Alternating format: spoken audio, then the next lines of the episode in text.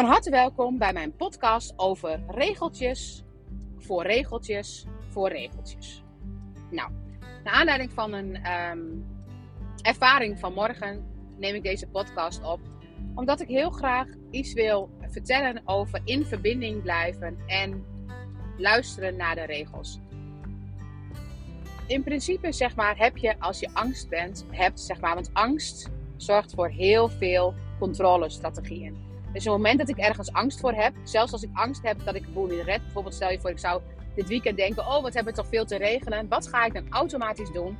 Ik ga een focus erop hebben, ik ga het onder controle brengen, want anders dan ga ik in de vechtvlucht en verstar en dan ga ik op dat moment zeg maar een beetje in de overlevingsstand en dan maak ik het niet bewust mee wat ik heb gedaan en dan ben ik na afloop hartstikke moe. Iedereen kent het denk ik wel. Dat op het moment dat je het even allemaal over de schoenen loopt, dat je dan in een soort controlesysteem wil. Je gaat het allemaal een beetje proberen te controleren.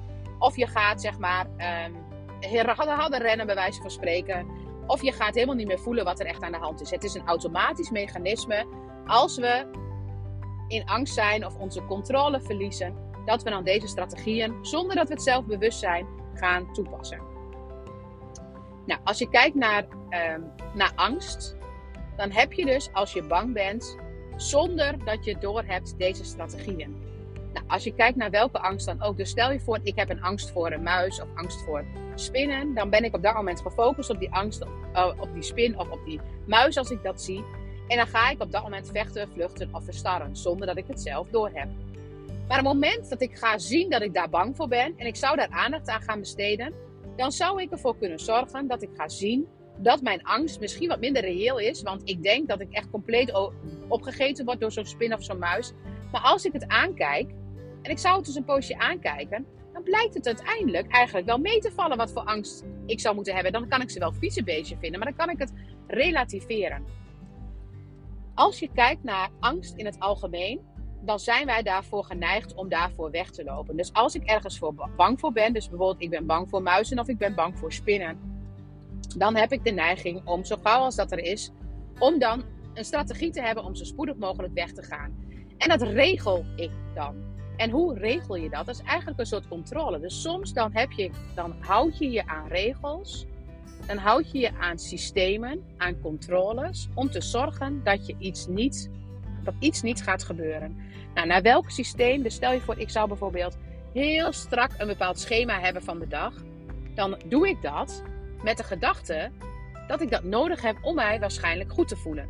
Dus het moment dat ik dat niet doe, wat is dan mijn angst? Dus stel je voor, ik zou bijvoorbeeld heel strak zijn in de tijden van, uh, voor mijn kinderen. En dit moeten we even doen en dat moeten we even doen. En ik heb lijstjes gemaakt. Dan is daar helemaal niks mis mee. Als ik me daar prettig bij voel, dan is dat oké. Maar het grappige is, het moment dat ik me daar prettig bij voel en een van mijn kinderen die stuit het daar alle kanten van op, dan kan ik er al van uitgaan dat mijn kinderen mij spiegelen dat ik dat doe vanuit een controle. Dus als ik probeer om dwangmatig iets onder controle te houden, dan zal ik een kind krijgen die daar compleet uit de band gaat springen. Nou, en er zijn best wel veel kinderen die compleet uit de band kunnen springen op dit moment. Dus misschien hebben we met z'n allen wel veel te veel controle. Wat ik altijd aangeef, en ehm, volgens mij was het eergisteren, had ik een meisje.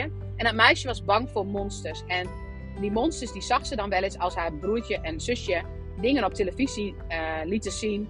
Wat voor haar leeftijd eigenlijk nog niet zo geschikt was. En dan kon ze s'avonds niet slapen van die monsters. Nou, heel simpel. Een simpel voorbeeld, een dagelijks voorbeeld. Want ik vroeg dus van, goh nou, en wat doe je dan? Ja, nou ja, dan kon ze dus gewoon niet slapen. En ja, mama die zegt dan wel eens dat ik die filmpjes niet moet gaan kijken. Maar soms lukt dat niet, want dan zijn haar broer en zus dat aan het kijken. En ik snap die moeder, want ik doe precies hetzelfde. Ik zeg ook precies hetzelfde. Maar eigenlijk zou ik heel wat anders moeten zeggen. Eigenlijk zou ik moeten zeggen, net als bij die muis, kijk eens naar die muis en zie eens dat ze wel meevallen. Want die monsters op televisie kunnen ons niet opeten. Dus eigenlijk moet je juist naar die angst gaan om de angst weg te krijgen. Dus de tip die ik dan geef is eigenlijk, het moment dat je zo'n monster ziet, dan is het leuk om daar om een monster te gaan tekenen.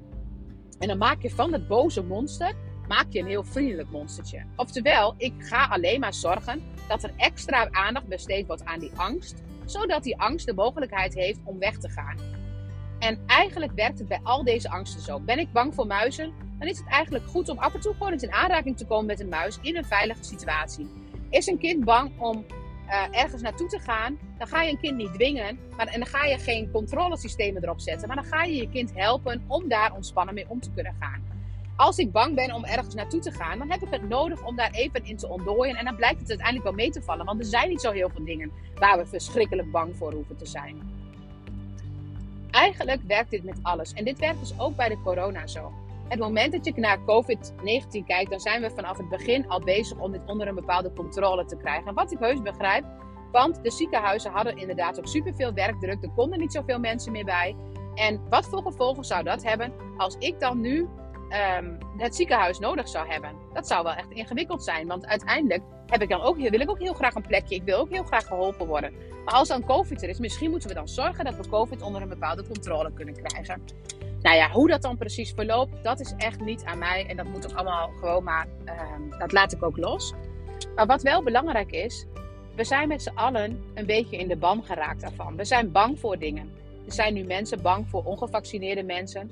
Er zijn mensen bang dat hun kinderen zeg maar, er van alles van meekrijgen. Of dat kinderen bijvoorbeeld op school um, nou, met het handen wassen dat ze een bepaald neurotisch beeld krijgen van hoe je schoon moet zijn. Kinderen zijn bang geworden voor COVID zelf. Ouders zijn bang geworden voor COVID. Zijn, sommige mensen durven niet echt meer in contact te komen. Sommige mensen zijn. Dus weet je, er zijn allemaal angsten. En eigenlijk is er maar één oplossing voor de angst. Kijk er aan. Kijk naar die angst. Wat is er zo, wat, waar ben je zo bang voor bij corona? Ben je bang om dood te gaan? Dan is het belangrijk om te voelen hoe de angst is dat je dood zou kunnen gaan. Want allemaal gaan we een keer dood. En het moment dat ik daar eens een keer naar gekeken had, was echt een stukje opluchting. Want als ik altijd bang om dood te gaan, bang ben om dood te gaan, dan gaat dat ten koste van de manier waarop ik nu leef. Als je bang bent om dood te gaan, dan leef je niet optimaal. Je kunt pas optimaal leven als je niet bang bent om dood te gaan. Want dan kun je het loslaten, dan kun je alles laten gaan. Dan maakt het niet meer uit hoe het is. En waar we allemaal, denk ik, in deze periode toe uitgenodigd worden, is om onze angsten aan te kijken. Want het moment dat wij niet onze angsten aan gaan kijken, gaan we handelen uit angst. En bij handelen uit angst handelen we allemaal maar heel eenzijdig. Want als ik handel uit angst, dan kijk ik niet naar die muis dat hij ook liever dingen heeft. Dan kijk ik alleen maar naar die muis en dan maak ik hem nog veel enger dan dat hij eigenlijk is. Dus als je kijkt naar een angst en je gaat er niet naar kijken, je gaat juist de andere kant op kijken, dan maak je hetgene waar je bang voor bent alleen maar groter. En het moment dat je anderen daar ook nog van probeert te overtuigen, maak je alleen maar een verdeeldheid. En alle oorlogen zijn ontstaan vanuit een bepaalde verdeeldheid. En eigenlijk, als we allemaal onze angst aan zouden kijken, waar ben je bang voor? Ik ben op dit moment eerlijk gezegd bang voor um, de tweedeling. Ik ben echt verdrietig om de tweedeling. Want mensen doen uitspraken en ik doe misschien ook wel uitspraken. Maar ik wil heel graag naar iemand luisteren die bepaalde meningen heeft over iets. Dat vind ik goed. En ik wil ook mijn mening dan mogen geven. En ik vind het leuk over om daarover te sparren. En ik heb over gevaccineerd of ongevaccineerd geen mening. Ik, mag, ik heb wel zelf een keuze gemaakt en ook een bewuste keuze. En ik hoop dat iedereen die zich gevaccineerd of niet gevaccineerd heeft, heel bewust achter zijn of haar keuze gaat staan.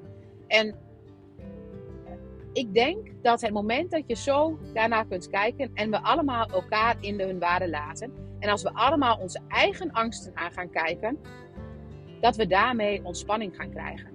Dus wat als je gaat kijken naar waar zit jouw angst? Wat is jouw grootste angst hierin? En ik, bij mij is dat de tweedeling. En die tweedeling, nou, die heb ik dan te voelen. Dat is mijn thema, dat is mijn angst. Dat zit bij mij op celniveau. Dat mag ik gaan onderzoeken. En bij mij zit het ook in de regelgeving die dan gedaan wordt om uh, de angst zeg maar, op die manier weg te drukken. Dus allemaal maatregelen treffen om te zorgen dat we ergens niet gaan komen.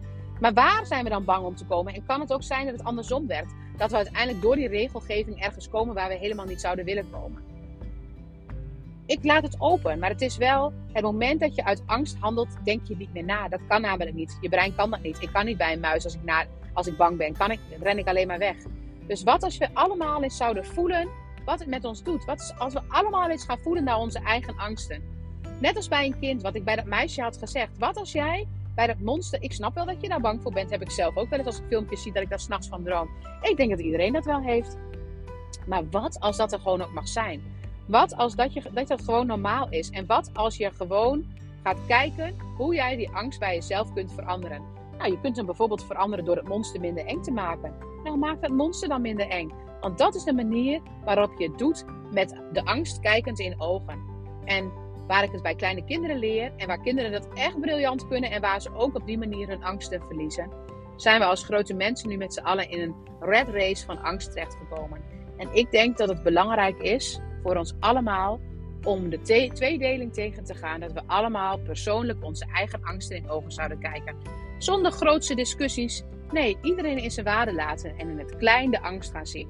Want als we die hele grote angst gaan pakken, dan wordt het heel bedreigend. Maar als je je persoonlijke angst op gaat lossen, dan gaat het ontspannen.